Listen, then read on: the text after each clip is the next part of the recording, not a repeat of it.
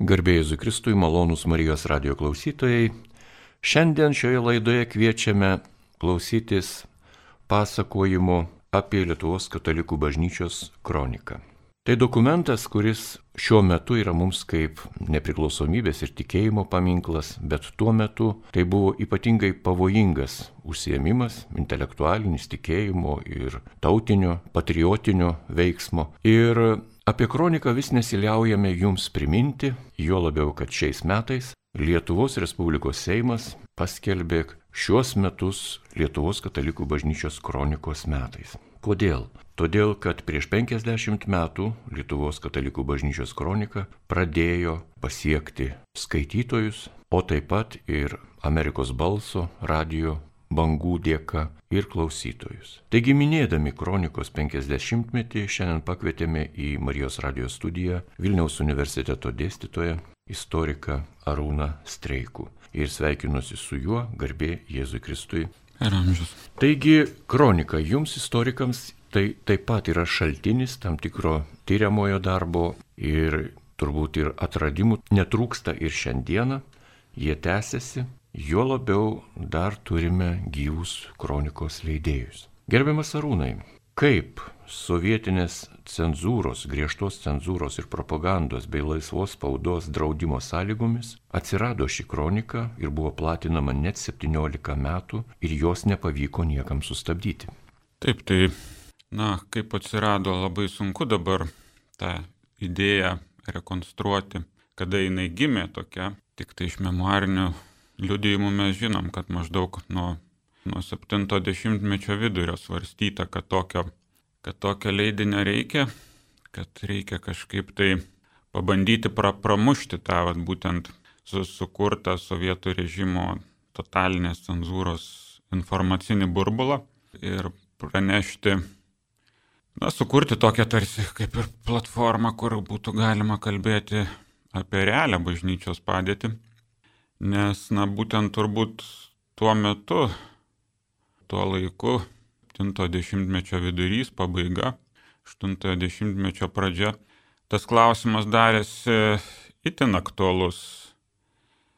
Ir, na, gal pradėsiu nuo to, kad tuo laikotarpiu sovietų režimui ir bendrai visiems komunistiniams režimams Europoje, na, tokios atsiveria, atsiveria galimybės galbūt didesnės legalizuoti tą tokią, na, įtvirtinti, nelegalizuoti, o įtvirtinti tą tokią tuometinį status quo baž, bažnyčios veikimo sąlygų prasme, nes ir Vatikanas po antrojo Vatikano susirinkimo buvo pasirengęs, na, ieškoti kompromiso, kažkokio dialogo su sovietų režimu ir su kitais komunistiniais režimais Europoje, e, manydamas, kad tokiu būdu pavyks, pavyks kažkiek bent jau irgi stabilizuoti, stabilizuoti padėtį, išvengti, išvengti grėsiančio kai kuriuose šalise,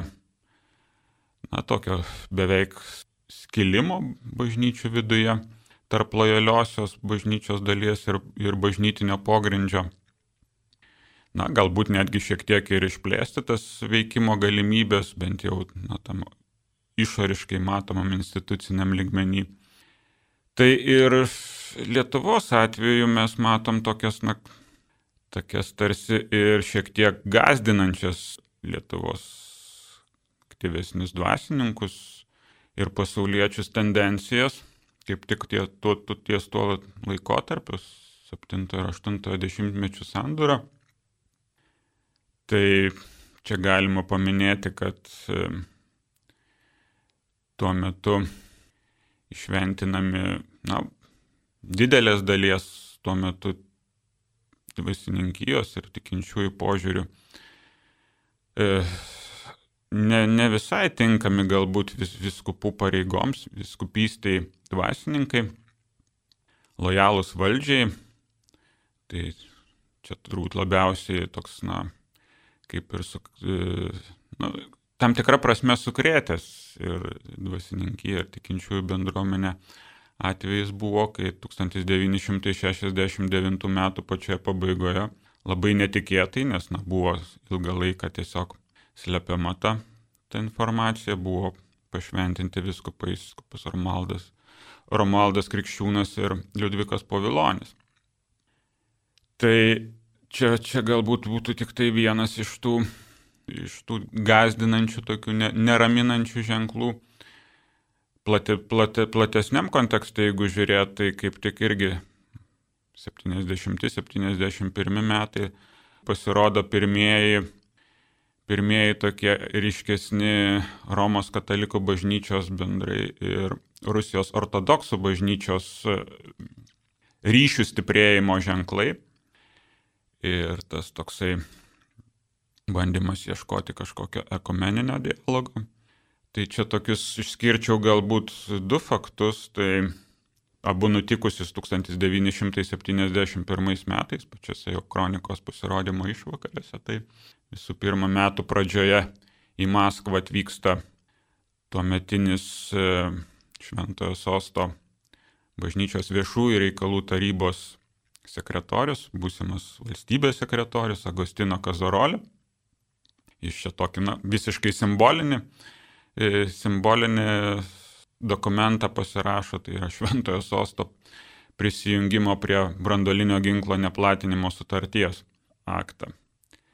O po kelių mėnesių, 71 metų rudenį, čia galbūt vat, būtent ekumeninių ryšių su Rusijos ortodoksų bažnyčia prasme svarbesnis buvo jezuitų generolas Pedro Rupė atvyksta irgi į, į Sovietų sąjungą ir jo susitikimai su aukštais Rusijos ortodoksų bažnyčios dvasininkais, vizitai dvasinėse akademijose atveria būtent kelius tokiam intensyvesniam, tokiai komunikacijai tarp, tarp aukščiausių Romos katalikų bažnyčios ir Rusijos ortodoksų bažnyčios sluoksnių.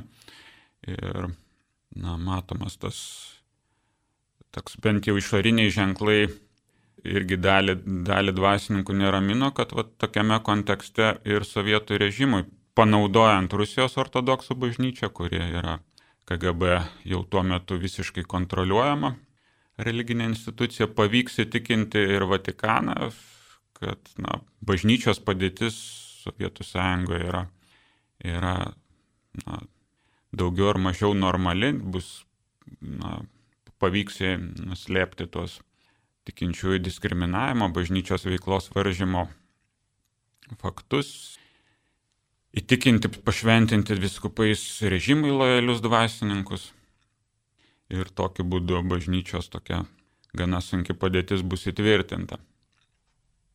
Tai čia, na, būtų galbūt tas na, atsakymas į klausimą, kodėl, kaip subrendo ta mintis leisti kroniką, na, be, konkrečiai ir šiaip, na, čia turbūt bendresnis turbūt buvo idėja, kaip aš suprantu, kronika čia buvo tik tai jau toks, e, na, efektyviausias galbūt e, įrankis, bet na, bendrai pradėti garsiau kalbėti apie tai, kas, kas čia vyksta, ko, su, kuo, su, su kokiais sunkumais susidarė bažnyčia. Na, ir taip 72 metų pavasarį ta idėja galiausiai realizuojama. Tai dabar pasakyti, atsakyti į tą klausimą, kodėl taip ilgai pavyko kronikai išgyventi, skirtingai negu kiti irgi, tai leidiniai, kiek vėliau jau pasirodė, tai jų nu, tas egzistavimo laikotarpis paprastai būdavo, na, geriausia atveju 3-4 metai ir, ir, ir režimui pavykdavo susekti jos leidėjus, nutraukti tą, tą leidybą. Tai, na, kronikos turbūt tas išskirtinumas ir ta jos sėkmės istorija labai priklausė nuo to, kad vis dėlto, na, tos pogrindinės slaptosios bažnyčios struktūros jau iki kronikos pasirodymo buvo susiformavusios, tas religinės savilaidos leidybos visas infrastruktūra, gal taip galima net sakyti, jau egzistavo, jau veikė ir būtent ant to, tos, to įdirbio ir rėmėsi ir kronikos leidėjai, ir informacijos surinkimo prasme ir, ir tų leidinių ta, tokio tiesiog techninio parengimo ir platinimo. Platinimo visi tinklai remiasi jau anks, anksčiau buvusiais e, dalykais. Tai tas turbūt ir, ir, ir buvo to kronikos tvarumo pagrindinis, e, pagrindinė priežastis ir pagrindinė atrama. Ir galbūt dar irgi galima pridurti prie to, kad na, vis dėlto tikintieji pasauliečiai, o ypač pogrindė veikiančios vienuolės, jos vis dėlto, na, e, galima sakyti, tam tikrą prasme mažiausiai turėjo ką prarasti iš to metinės visos sovietinės visuomenės, nes, na, tas jau ilgalaikio perse, persekiojimo ir veikimo tokiamis sudėtingomis sąlygomis patirtis buvo, na, ir savotiškai užgrūdinusi tą bažnyčios dalį ir, ir kas turbūt dar svarbiau, leido atsirasti tiems, na, pasitikėjimo tvirtesniems ryšiams, tokiems socialiniams ryšiams, kurių, kurių sovietinėje visuomenėje per kelis okupacijos dešimtmečius jie buvo labai, labai smarkiai pažeisti. Tai, na, dauguma sovietologų kaip na tokių vieną iš sovietinės visuomenės požymių nurodo labai didelę visuomenės atomizaciją, kai, kai dėl persekiojimo, dėl sėkimo tokios, na, iš dalies gal net dirbtinai sukurto, sukurtos baimės atmosferos, nepasitikėjimo vieni kitais, tas tie ryšiai buvo labai silpni ir, na, tokiamis sąlygomis kažkokią pradėti bendrą veiklą buvo labai sudėtinga ir čia, vad, būtent tos iki galo nesunaikintos bažnytinės bendruomenės, bažnytiniai kažkokie vidiniai ryšiai pogrindyje na, leido tam kurtis tam mechanizmui visam.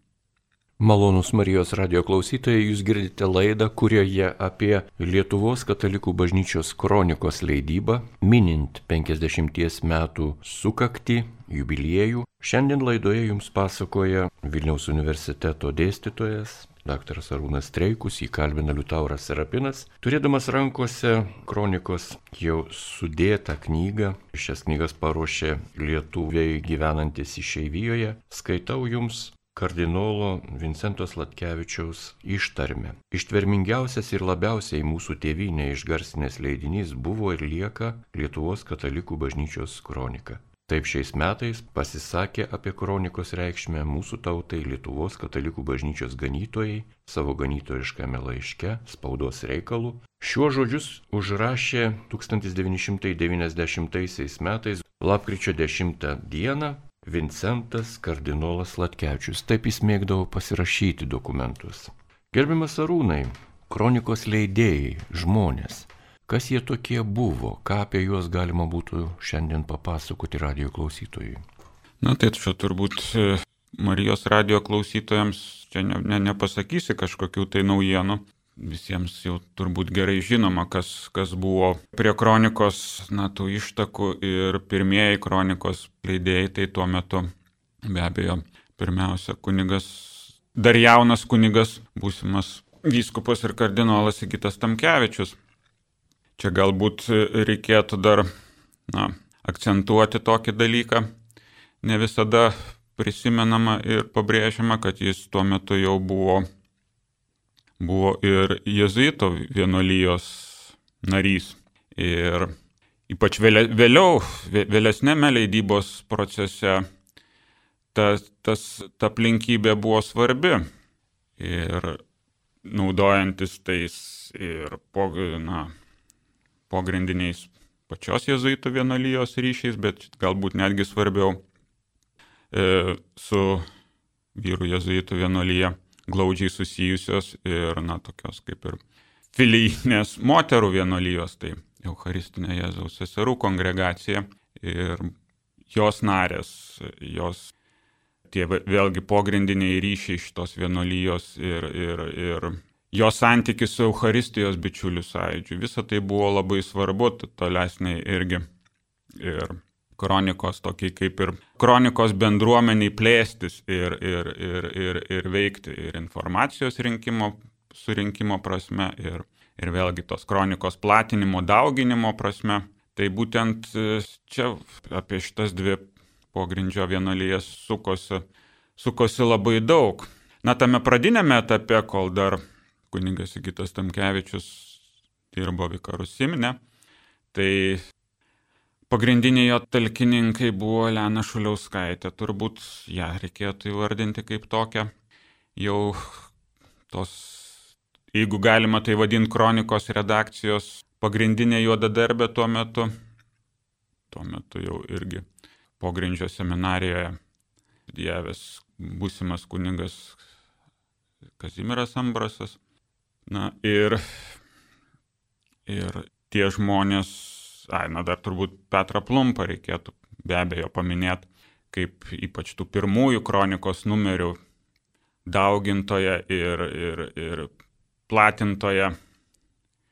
Ir būtent svarbu turbūt paminėti dar ir tai, kad na, tas kronikos vis dėlto pasirodymo pradžia ir jos paplitimo pradžia vis dėlto buvo daugiausia pradžioje Kaune, ten Kaune ir, ir KGB pirmą kartą sužinojo apie, apie tokio leidinio egzistavimą, nes ten buvo konfiskuoti paimti pirmieji, pirmieji numeriai ir nuo ten prasideda visas ir kronikos sėkimas. Tai čia turbūt tie asmenys minėtini prie kronikos ištakų. Tęsiant pokalbį apie Lietuvos katalikų bažnyčios kroniką, norisi dar paklausti irgi, o kodėl tie tekstai kronikos tuo metu buvo tokie pavojingi, būtent valdžiai, sistemai ateistų ir kaip tie pavojingi tekstai būdavo surenkami, paruošiami, kaip jie keliavo. Tai gal pradėsiu vat, būtent nuo to pirmojo klausimo, kodėl, kodėl tokie pavojingi buvo. Turbūt niekas negalvojo, kad jie bus tokie pavojingi pačioje pradžioje. Patys kronikos sumanytojai ir, ir leidėjai ko gero nesitikėjo, kad kronika taps e, tokiu svarbiu tikinčiųjų teisų gynimo įrankiu ir tokiu visame pasaulyje žinomu leidiniu. Bet e, labai greitai, gana, gana greitai paaiškėjo, kad, e, kad jinai tokiu gali tapti ir bent jau kažkiek tai suardyti tą režimo turėtą informacinį monopolį, visišką viešosios erdvės kontrolę, nes na, kaip, kaip liudija ir kiti platesni sovietų sistemos tyrimai vėlyvojų sovietmečių jau tuo metu 8-90 e, metį, ypač na, visuomenės sovietų imperijos pakraščiuose, bet taip pat ir, ir jos centre, jau matomas tas labai didelis visuomenės e, tiek ir, na, kaip sakyt, galime, ne tai, kad nusivylimas visuomeniai, tiesiog e, atsibosta jau ta pilka sovietinė propaganda ir visa ta, na, visas tas sukurtas e, informacinis tikrovės pakaitalas, neturintis nieko bendro su, su, su realybė, na, žmonėsgi mato, kaip tas pasaulis, kurį, kuris pateikiamas sovietinėje žiniasklaidoje skiriasi nuo, nuo jų gyvenamos tikrovės. Tai tas poreikis kažkokios e, kitokios informacijos, informacijos, na, grinai, kuri turėtų ryšį su, su, su tikrove, buvo labai didelis ir, ir, ir kronika tam tikrą prasme atlėpė tą poreikį ir užpildė tą, tą nišą. Ir čia labai svarbu, kad na, kronikos leidėjams pavyko gana, gana greitai užmėgsti užmėgsti e, ryšį, reguliarų ryšį su išorės pasauliu, su, su vakarais, su išeivyje, perduoti kronikos, kronikos numerius į, į, į vakarus ir tokiu būdu išplėsti, išplėsti kronikos girdimumą, matomumą. Nes na, pagrindinis vis dėlto kronikos informacijos plėtimo būdas, kanalas buvo ne tie keli šimtai ar kelios dešimtis padaugintų spausdinimo mašinėlėmis e, kronikos numerių, kurie plito iš rankų į rankas, buvo perdodami tais patikimais, e, patikimų žmonių ratuose sklido, bet na tas vis tik tai paplitimas buvo labai, labai nedidelis. Tarp žmonių, kurie ir taip turbūt žinojo daugiau ar mažiau tą realią bažnyčios padėtį ir, ir tos buvo ta, tuos visus valdžios suvaržymus. daug svarbesnis buvo tas būtent kronikos patekimas į vakarus ir po to grįžimas jos atgal radio bangomis per, per lietuviškas užsienio radio laidas, per Amerikos balsą, per Vatikano radiją, per Laisvosios Europos radiją. Nes, na, jau netgi pačios sovietų režimo institucijos vėlyvojų sovietmečių vykdė, vykdė tą tokį tam tikrą tokius vidinius, vidiniam naudojimui skirtus sociologinius tyrimus, apklausas ir matė, kad, kad labai didelė visuomenės dalis klauso užsienio radijos stočių kaip alternatyvos sovietiniai žiniasklaidai ir turbūt atsižvelgiant dar į tą, tą paklaidą visada, kad na, nelaisvoje visuomenėje sociologija kažkokia adekvati niekada negali būti, tai turbūt reikėtų sakyti, kad na, mažiausiai pusė, pusė gyventojai tikrai daugiau ar mažiau reguliariai klausė užsienio radijos tačių ir jiems, ir jiems tai buvo svarbesnis informacijos šaltinis negu kad, negu kad sovietinė žiniasklaida. Ir čia šitoj situacijai tokiam kontekste tada labai svarbu, kad, kad jie turėtų na, informacijos, ne,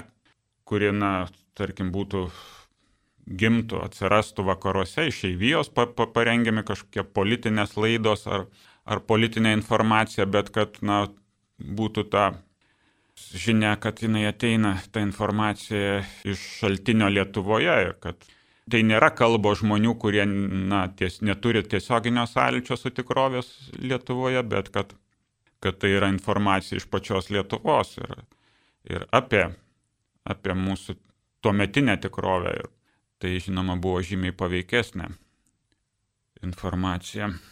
Na, Dabar, dabar, jeigu šiek tiek dar apie tą surinkimą, surinkimą ir, ir, ir numerių parinkimą.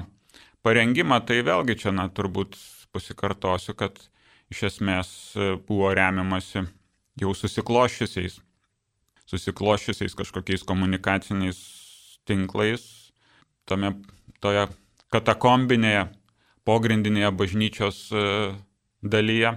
Daugiausia vėlgi per, per tas pogrindžio vienolyjas ir, ir jų sukurtus tiek vidinius kažkokius komunikacijos kanalus slaptus, tiek ir ypač moterų vienolyjų aplinkoje jau tuo metu egzistavusius pasauliečių, tokius kaip ir grupės, samburius, jų organizuojamus, ypač jaunimo, ypač jaunimo tarpe Kaune ir kitose miestuose, gal čia Vilniuje mažiau buvo tokių, tokių pogrindžio vienolyjų globojamų pasauliečių ratelių. Tai per šituos tinklus ta informacija buvo surenkama, pasiekdavo, pasiekdavo kronikos, kronikos leidėjus. Po to, kai Simne jau tai pra, pirmoje kronikos parengimo vietoje tas KGB sekimas pasidarė labai na, toks intensyvus ir sunku buvo netgi naudojant labai išmanius komunikavimo būdus ir, ir, ir tos atvežtos medžiagos slėpimo vietas darėsi pavojinga. Tai, na, kiek yra žinoma, tuo metu tapo tokiu pagrindiniu žinių surinkimo punktu, informacijos surinkimo punktu tapo Eucharistinio Jėzaus seserų kongregacijos namai Kaune.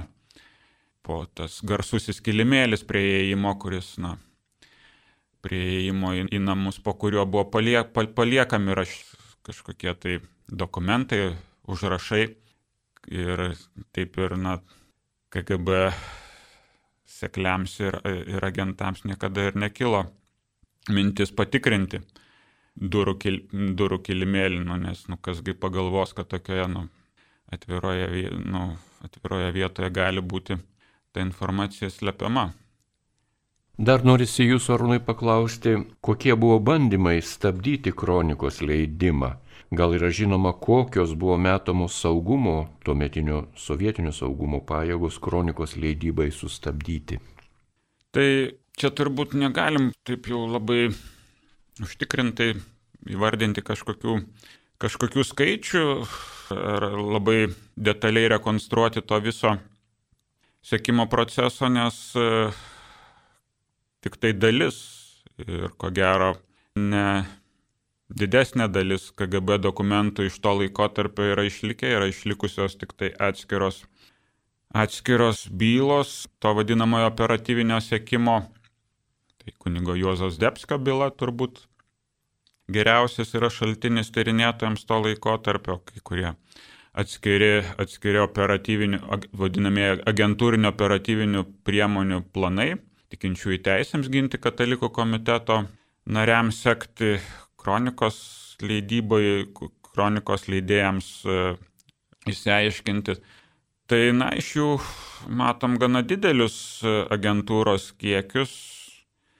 po kelias dešimtis e, šaltinių naudojimų, tarkim, kad ir kunigui Jėzais Debskiui sekti. Bet, na, iš kitos pusės truputį, na, skaitant tuos ir agentūrinius pranešimus, ir KGB dokumentus susidaro įspūdis, kad, na, ta kiekybė toli gražu ne visada reiškia kokybę. Ir labai daug tokios informacijos buvo surenkama nelabai reikšmingos ir, na, pats faktas, kad kronika sugebėjo išlikti 17 metų turbūt liudytų, kad na, tas didelis kiekis KGB naudotos agentūros, kitų operatyvinio sėkimo priemonių, jos nedavė, nedavė rezultato. Net ir jau 90-mečio viduryje, iš esmės po to, kai buvo suimtas kuningas Sigitas Tamkevičius, KGB vėl, vėl nežinojo, kur kas iš tikrųjų yra ta tas pagrindinis branduolys parengiantis kroniką ir taip, na, tarsi, na, šiek tiek šaudė aplinkui, bet niekada taip ir taip iki galo ir nepataikydavo. Ir tas, tas turbūt irgi patvirtintų, kad ta visa masė naudotų priemonių buvo mažai efektyvios, kaip ir, kaip ir kitose sritise, šiaip tai KGB tas veikimas daugiau buvo toksai, vėlgi, popierinis, irgi daugiau galbūt reikalingas ataskaitoms, parodymui savo viršininkams vienokio ar kitokio lygio, kad dirbam aktyviai, kad operacija vyksta sėkmingai, kaip, kaip, kaip, kaip ir dabar. Bet re, realiai tai, na, niekas tokių kažkokių apčiuopiamų rezultatų taip ir nebuvo. Dabar kalbant dar galbūt apie kitas naudotas priemonės, be tokio, nu, grinai tokio techninio, operatyvinio, agentūrinio sėkimo, tai kadangi taip nesisekė sustabdyti kronikos, kronikos leidybos, tai jau vėliau nuo 80-mečio pabaigos ypač aktyviai pradėtos planuoti įvairios dvasininkų, kurie buvo įtariami, dvasininkų ir vienuolių, kurios buvo įtariamos prisidedančios prie kronikos leidybos kompromitavimo tiesiog. Tiesiog e, priemonės, akcijos iš planų. Žinom, kad tokios e, priemonės buvo numatytos ne tik tai prieš kunigą Juozas Debski, kuris, kurie ir buvo įvykdyta ta, ta garsioji nude, nudeginimo cheminėmis medžiagomis operacija, bet, bet taip pat ir prieš kunigą Sigitą Tamkevičių. Spets priemonės buvo planuojamos, neaišku tiesa kokios. Ir prieš kitus pogrindžio dalyvius. Na, daugiausia turbūt na, ir efektyviausia tokia priemonė KGB naudota, tai gandų skleidimas. Gandų skleidimas per, per savo agentus, per savo tos pat, patikimus e, asmenis, kleidžiant apie tuos aktyvesnius dvasininkus, vienuolės, nebūtas, ne, nebūta informacija apie, apie jų asmeninio gyvenimo kažkokius tai faktus, ar ten būtent vat, e, galbūt čia labiau per, per viskupijų vadovus ir per tą viskupijų kurijas, kad, na, kad tie kronikos ir, ir kitų katalikiškų pogrindžio leidinių leidėjai čia ieško savo kažkokios tai šlovės ir šmeižia, šmeižia vyskupus, skaldo, skaldo bažnyčią iš vidaus ir jie labiau kenkia negu padeda bažnyčiai.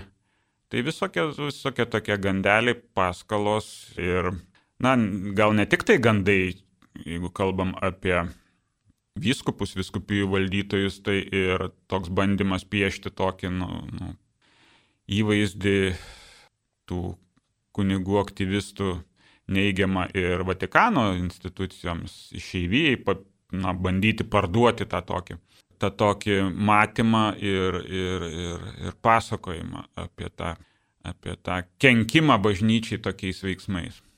Laidos pabaigai, gerbiamas Arūnai, Kokie atradimai tyrinėjant Lietuvos katalikų bažnyčios kroniką jūs nustebino? Na, čia sunku pasakyti, ar tokių labai, labai didelių nustebimų čia galima pamatyti ir rasti.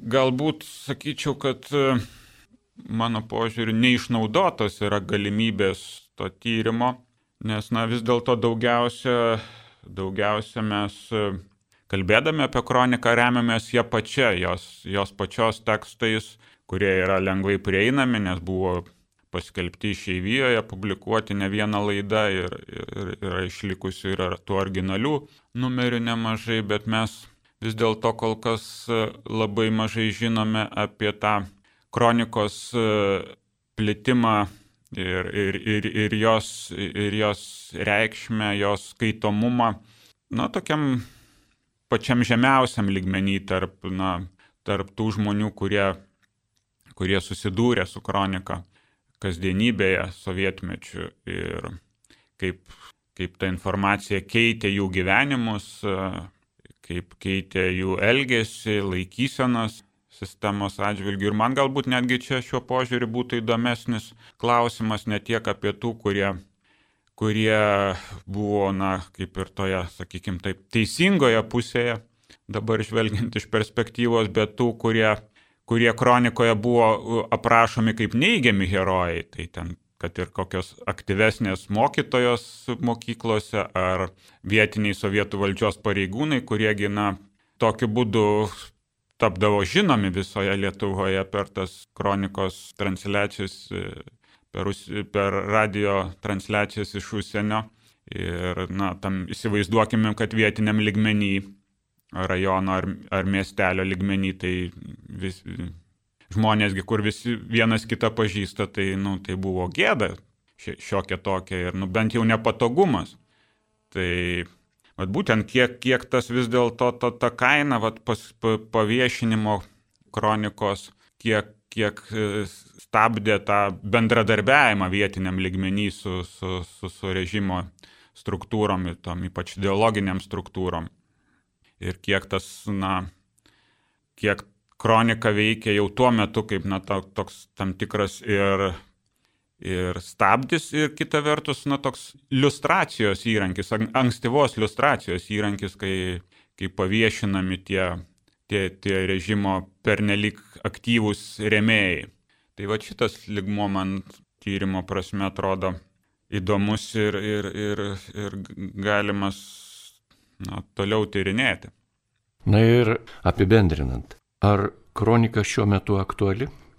Man atrodo, kronika šiuo metu aktuali labiau kaip galbūt toks pavyzdys toms visuomenėms, kurios dabar susiduria su, su tokia grįžimu prie sovietinės tokios informacijos e, kontrolės ir, ir totalios cenzūros. Kad, na, tas įmanoma tą, tą, tą burbulą pradurti ir, ir, ir, ir, ir suardyti tą totalią cenzūros sistemą, jeigu yra, jeigu yra kažkaip veikiama nuosekliai, turint e, ryšius ir žinant, kad, na, kad anksčiau ar vėliau tas gali duoti rezultatą. Tai, na, čia kronikos leidėjai, kaip minėjau, pradžioje irgi turbūt negalvoja, kad vis tokios perspektyvos gali atsiverti. Tai viskas atsiranda, atsiranda eigoje. Dėkojame Jums, gerbiamas Arūnai, už pasakojimą ir priminimą. Ir maloniems radio klausytojams primename, jog Jūs girdėjote laidą apie Lietuvos katalikų bažnyčios kronikos 50 metų minėjimą. Šioje laidoje Jums pasakojo Vilniaus universiteto dėstytojas Arūnas Streikus. Jam klausimus uždavė Liutauras Serapinas. Likite su Marijos radiju.